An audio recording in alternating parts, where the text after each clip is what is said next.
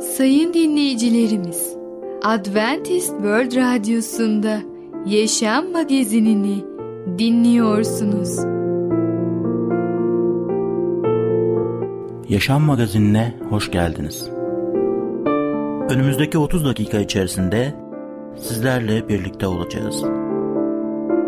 Bugünkü programımızda yer vereceğimiz konular Sağduyulu olmak, komşumuz, ateş hakiki çıkarır.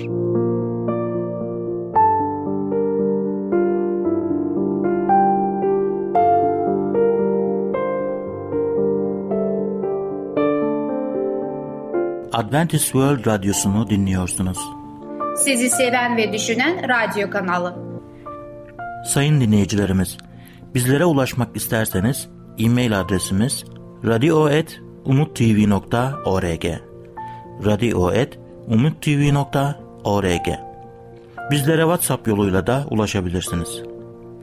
WhatsApp numaramız 00961 357 997 867 06 00961 357 997 867 06 Şimdiki konumuz sağduyulu olmak. Karar verirken hep sağduyulu olabiliyor muyuz?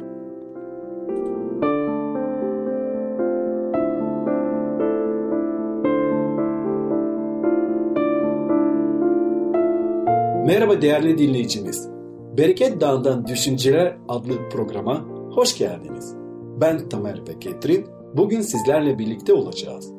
Bugünkü konumuz sağduyulu olmak. Evet biliyoruz ki Yüce Allah bize ahlaki yasasını vermiş. O emirde o ahlaki yasasında bize Allah'la kul arasında, Allah'la insan arasındaki ilişkiyi gösteriyor, belirtiyor nasıl olması gerekiyor. Sevgi üzerinde kurulan bir ilişki. Ayrıca de o on emirin ikinci bölümünde ise insanlar arasındaki ilişkiler nasıl olması gerektiğini bize net olarak gösteriyor. İşte bu Allah'ın on emri ve ahlaki yasası. Peki bir taraftan Yüce Allah bize buyruklarını veriyor ve o buyruklara göre eğer gerçekten biz onu seviyorsak o buyruklara göre yaşayacağız.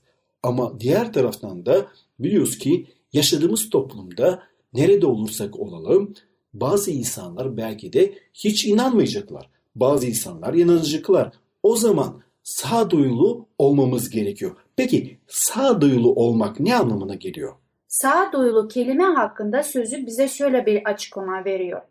Kişilerin salt kendi fikirlerine uygun düşüncelerle olumlu yaklaşması değil, aynı sıra kendilerine zıt görüşleri de dikkate alıp her iki yönden de olaylara bakabilme etisidir. Sağduyulu başkalarının fikirlerine saygı gösterebilme, başkalarının dinleyebilme becerisidir. Peki kutsal kitabın verdiği bilgilere göre nasıl sağduyulu olmanın özelliğini ve püf noktalarını açıklayabiliriz. Biliyoruz ki 2000 yıl önce, 3000 yıl önce, 4000 yıl önce mesela Musa, Eyüp peygamber zamanında, Süleyman peygamberin zamanında insanlar farklı kıyafetler giyiyorlardı. Ve İsa Mesih biliyoruz ki günümüzdeki insanlar gibi, erkekler gibi pantolon giymiyordu. O zaman pantolon diye bir şey yoktu. Ama evet. günümüzde hepimiz erkekler pantolon giyiyoruz. Yani eteklerle genelde erkekler dolaşmıyor. Etek giyip de öyle bir kültür yok. Demek ki sağduyulu olmak bulunduğun insanların arasında sağduyu neyse uygun bir şekilde tabii ki kutsal kitaba ve Allah'ın emirlerine, buyruklarına karşı çıkmayacak şekilde demek ki ayarını yapabilmen lazım. Kendini ona göre ayarlaman lazım. Sağduyulu olmak. Ama bazı insanlar sağduyulu olmak istemeyebilirler. Allah biliyoruz ki sevgi Allah'ıdır. Allah adaletli bir yaratıcımızdır. Ama bazıları diyebilir ya ben herkesi sevemem kardeşim. Veya ben adaletli olmak istemiyorum. Peki şöyle bir deyim var ve şöyle bir soru ortaya çıkıyor. Bulanık suda balık kolay tutulur mu? Bulanık suda daha kolay balık tutuluyor söylemi vardır. Bazı kişiler kanunlarda daha fazla boşluklar, belirsizlikler olmasını istiyorlar. Çünkü onlardan bundan faydalanmak istiyorlar. Eski zamanlarda ve günümüzde de insanlar bu durumu çok seviyorlar. İşte bundan dolayı bu söyleyim de ortaya çıkmıştır. Şöyle bir düşünce tarzı vardır. Rüşvetin yaygın olduğu bir toplumda yaşamak daha kolay olduğunu düşünüyorlar. Çünkü ileride işler istemediği bir yöne giderse bu durumda daha kolay yöntemlerle ve rüşvetlerle çözüm olanakları olsun diye. Yani kendi yolsuzluklarla yapılacak işleri yapabilme ihtimalleri olmasını istemektedirler. Ben biraz iyi yapayım, biraz gerekirse kötüyle karşımdaki insanı kandırabileyim. Hatta şöyle de diyebiliriz. Allah buyruklarında, on emirde nasıl yaşamamız gerektiğini söylüyor bir kere. Sevgi üzerinde bir ilişki kurmak istiyor Allah. Allah'la insan arasındaki ilişki sevgi ilişkisi olması lazım. Artı Allah herkesi seviyor. Biz de onun buyruklarını takip edersek biz de kardeş sevgisi, insanları seveceğiz. İnsan sevgisi olması lazım bizde. Ama şöyle bir şey de var. İnsanlar günah ne olduğunu ve günah ne olmadığını o buyruklardan, on emirden görüyorlar, anlıyorlar. Ve sonra ne diyorlar? Allah'ım ben senin buyruklarını biliyorum. Ve buyrukların bana müsaade ettiği sürece ben özgürlüğümü yaşamak istiyorum. Kendi istediğim gibi özgür olmak istiyorum. Ve ne yapıyorlar o zaman onlar? Bazı kişiler sınırlara kadar gidiyorlar. Yani günahın sınırına kadar gidiyor. Günah işlemiyor ama neredeyse ramak kaldığı uçurumdan düşecek. Günah işleyecek. Bakın Yüce Allah bizi uyarıyor. Bu buyruklarla aslında çok dikkatli olmamız gerekiyor. Ama bazı insanlar bu özgürlüğünü bazen kötüye de kullanabilirler. Hatta o görünmeyen çizgiyi aşıp günah işleyebilirler. Çok dikkatli olmamız lazım. Bir taraftan sağduyulu olacağız, insanlara anlayış göstereceğiz ama diğer taraftan da kendi inancımızdan ne yapacağız? Taviz vermeyeceğiz. Evet. Bir örnek anlatacağım. Size Avrupa'da yaşanmış bir olay anlatacağım. Avrupa'da bulunan bir ülkenin Milli Savunma Bakanlığı'nın makam arabası hiçbir sinyal vermeden ve uyarı yapmadan kırmızı ışıktan geçiyor. Diğer yönden yeşil olduğu için sivil bir araba çocuğuyla birlikte kavşaya giriyor. Çarpışma sonucunda trafik polisi tutanak tutuyor ve makam arabasını kuralları ihlal ettiğini yazıyor. Daha sonra bilirkişi raporuyla bu tutanak destekleniyor ama olay burada bitmiyor. İkinci bilirkişi raporu hazırlanıyor ve aile suçlu bulunuyor. Sebep mi? Çünkü onlar kazayı önleyebilirlerdi ama bunu yapmamışlar ve suçlu olmuşlar. Tabi daha sonra görgü tanıkları çıksa da mahkeme süreci onlar için uzun ve ıstıraplı oluyor. Bunu Avrupa'da görünen toplum adaletsizliği diye söyleyebiliriz. Bunun yasal olması için mahkeme kararı olması gerekiyor tabii ki.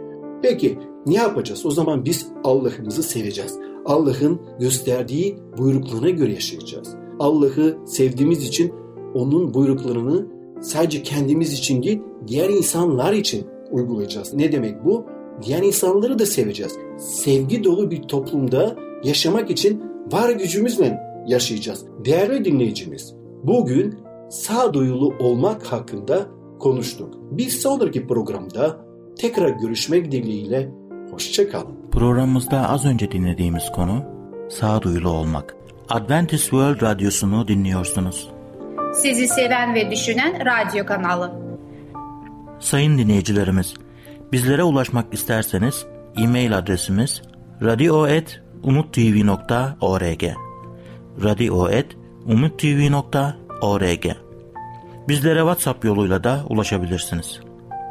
WhatsApp numaramız 00961 357 997 867 06 00961 357 997 867 06 Şimdiki konumuz komşumuz. Komşularımıza nasıl yakınlık gösterebiliriz? Merhaba ufaklık. Ben Fidan. Çocukların Dünyası adlı programımıza hoş geldin. Bugün seninle birlikte Komşumuz adlı öyküyü öğreneceğiz. Öyleyse başlayalım. Komşumuz bu sabah koşup kapıyı açtığımızda kapıyı çalanın Bay Plak olduğunu görünce evde herkes çok şaşırmıştı.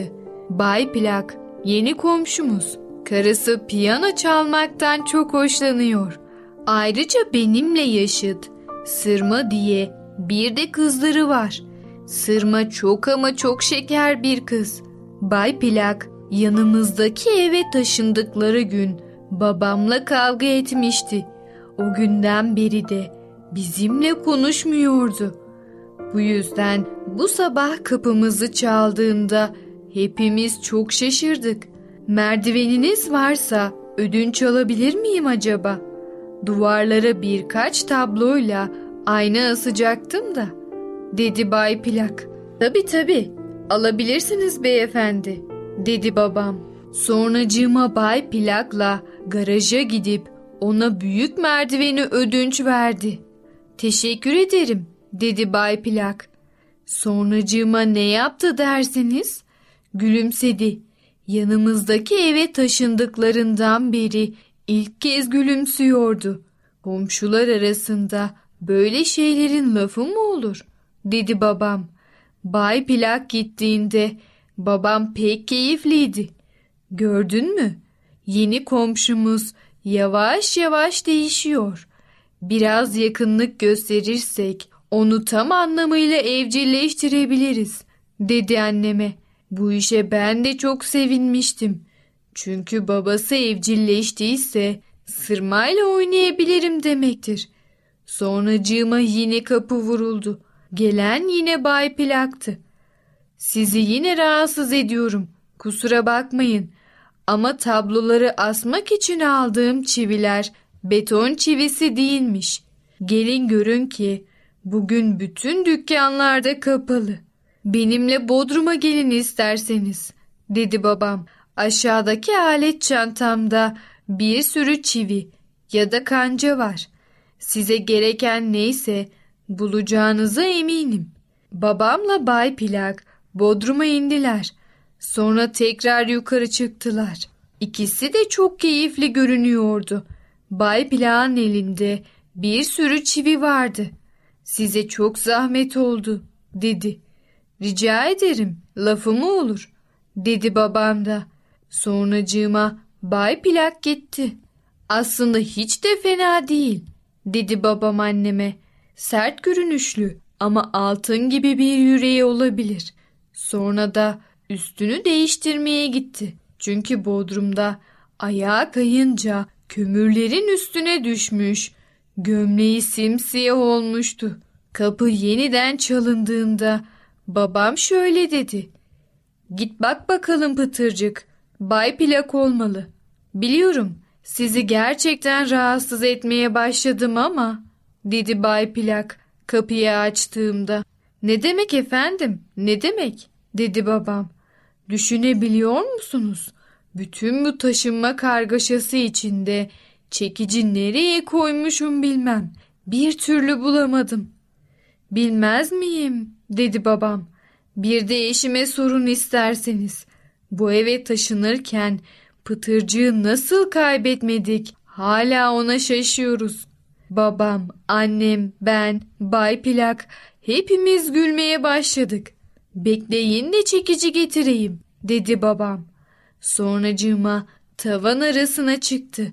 Çekici getirip Bay Plak'a verirken başka bir şey gerekirse kapımızı çalmaktan çekinmeyin lütfen dedi.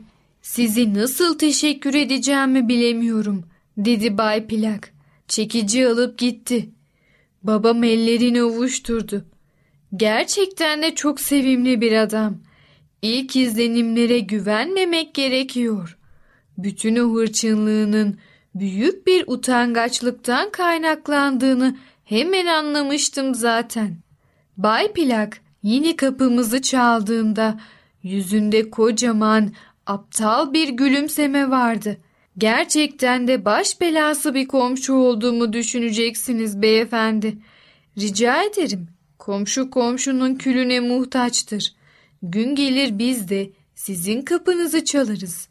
Hem bana beyefendi demenize de gerek yok, dedi babam. Siz de bana plak diyebilirsiniz.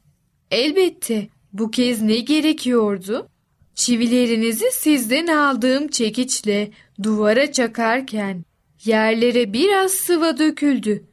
Eşimin elektrik süpürgesi de taşımacıların bıraktığı saman çöplerini temizlediğinden beri çalışmıyor. Daha fazla açıklama yapmanıza gerek yok.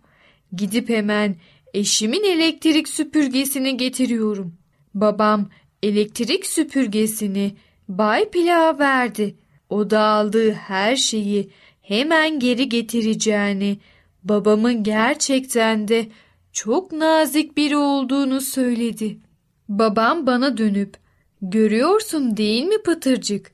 İnsan birazcık kibarlıkla ne güzel dostluklar kurabiliyor, dedi.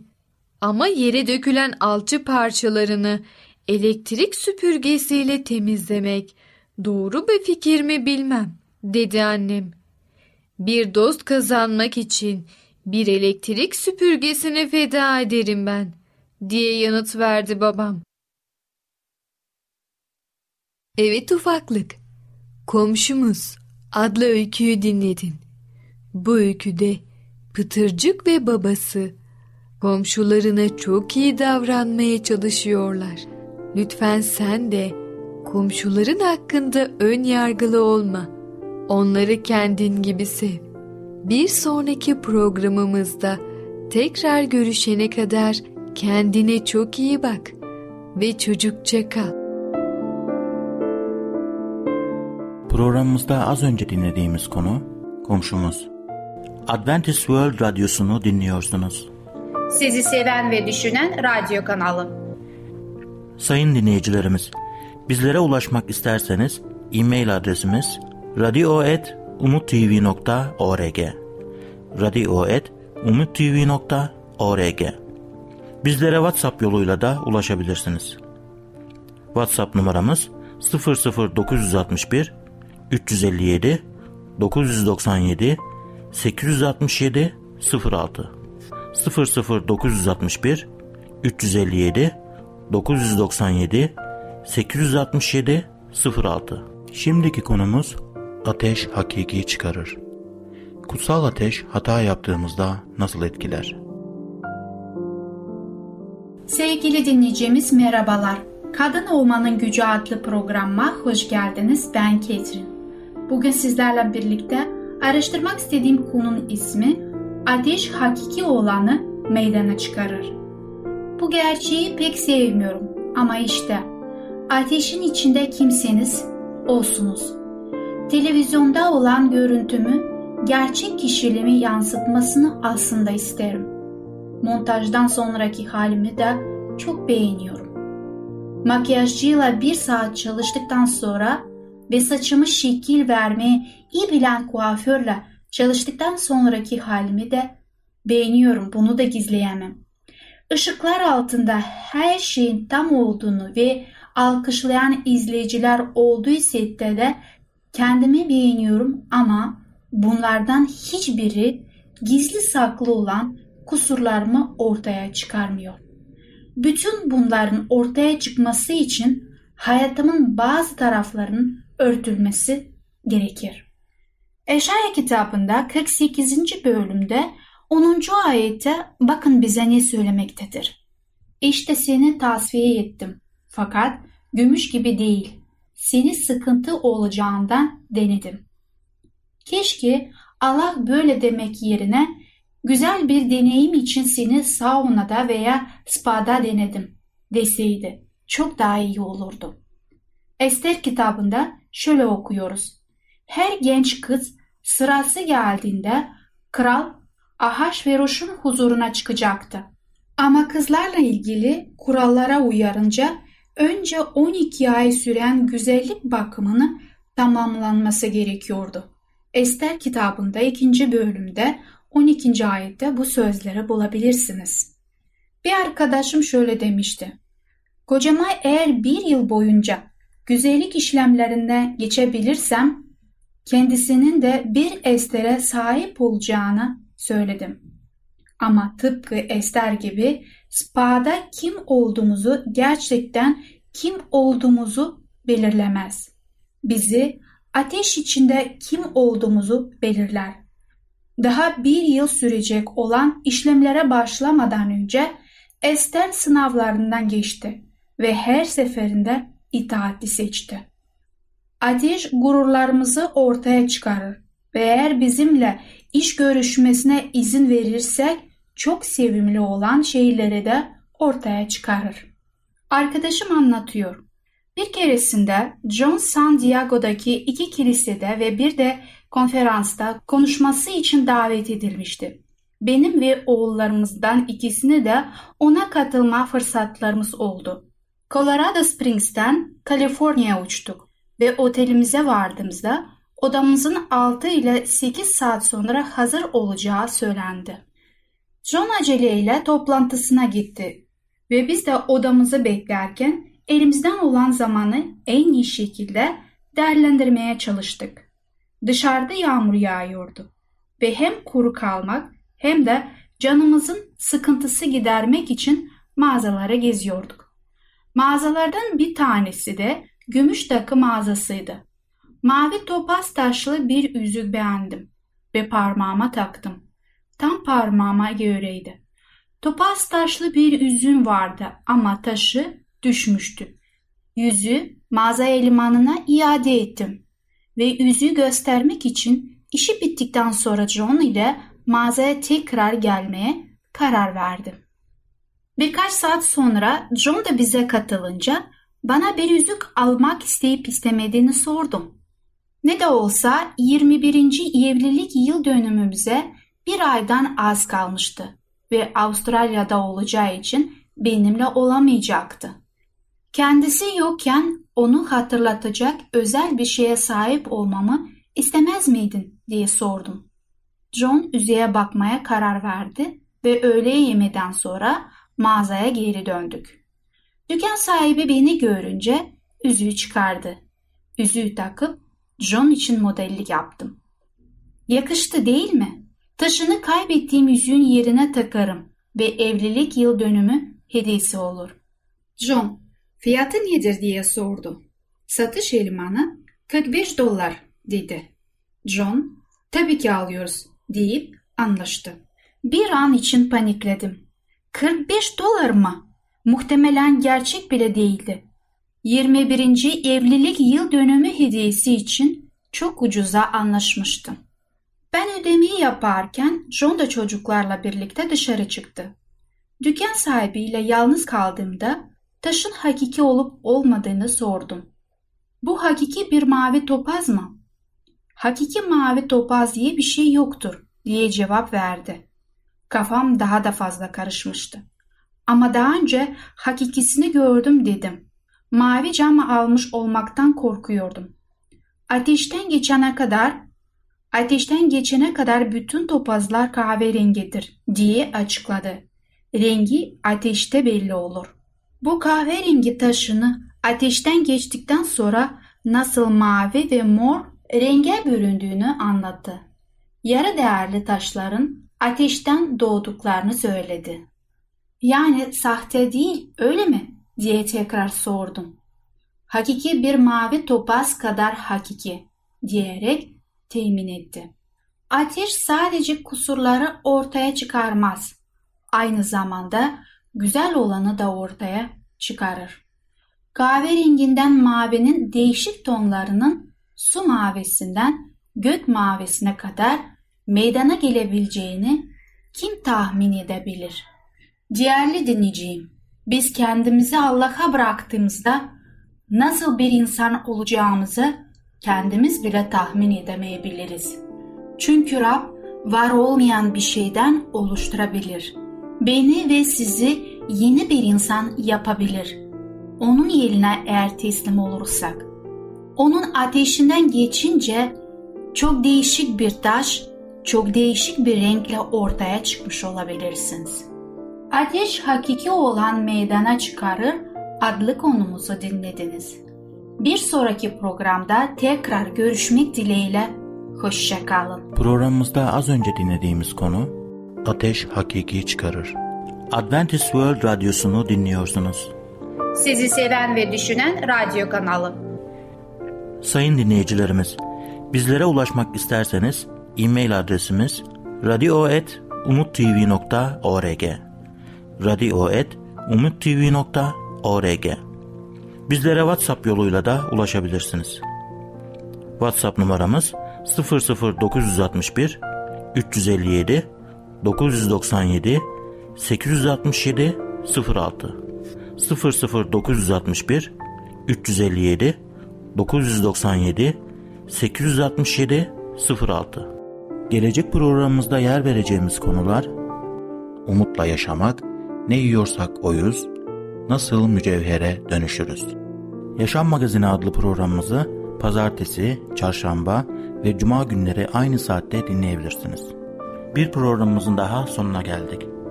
Bir dahaki programda görüşmek üzere, hoşçakalın.